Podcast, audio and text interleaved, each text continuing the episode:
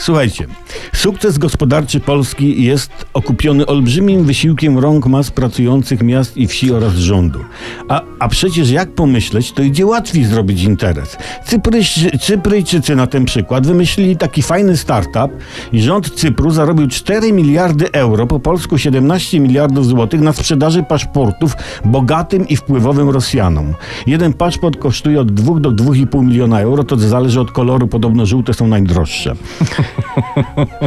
A z, a z cypryjskim paszportem pojedziesz wszędzie. Wszędzie, nawet do Zakopanego, gdzie można nabyć gustowną ciupagę, z tym, że ciupagi to nie jest taki interes jak paszporty. O.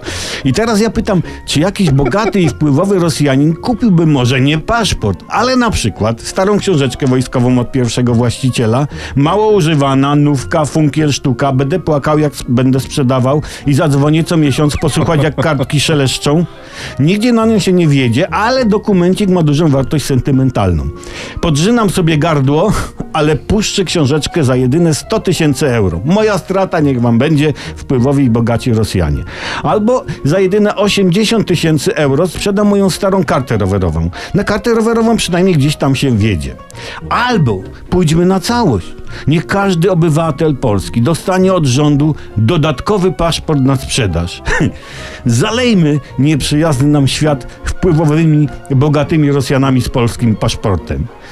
Nie wiem, gdzie nas to zaprowadzi, ale czemu nie spróbować, nie?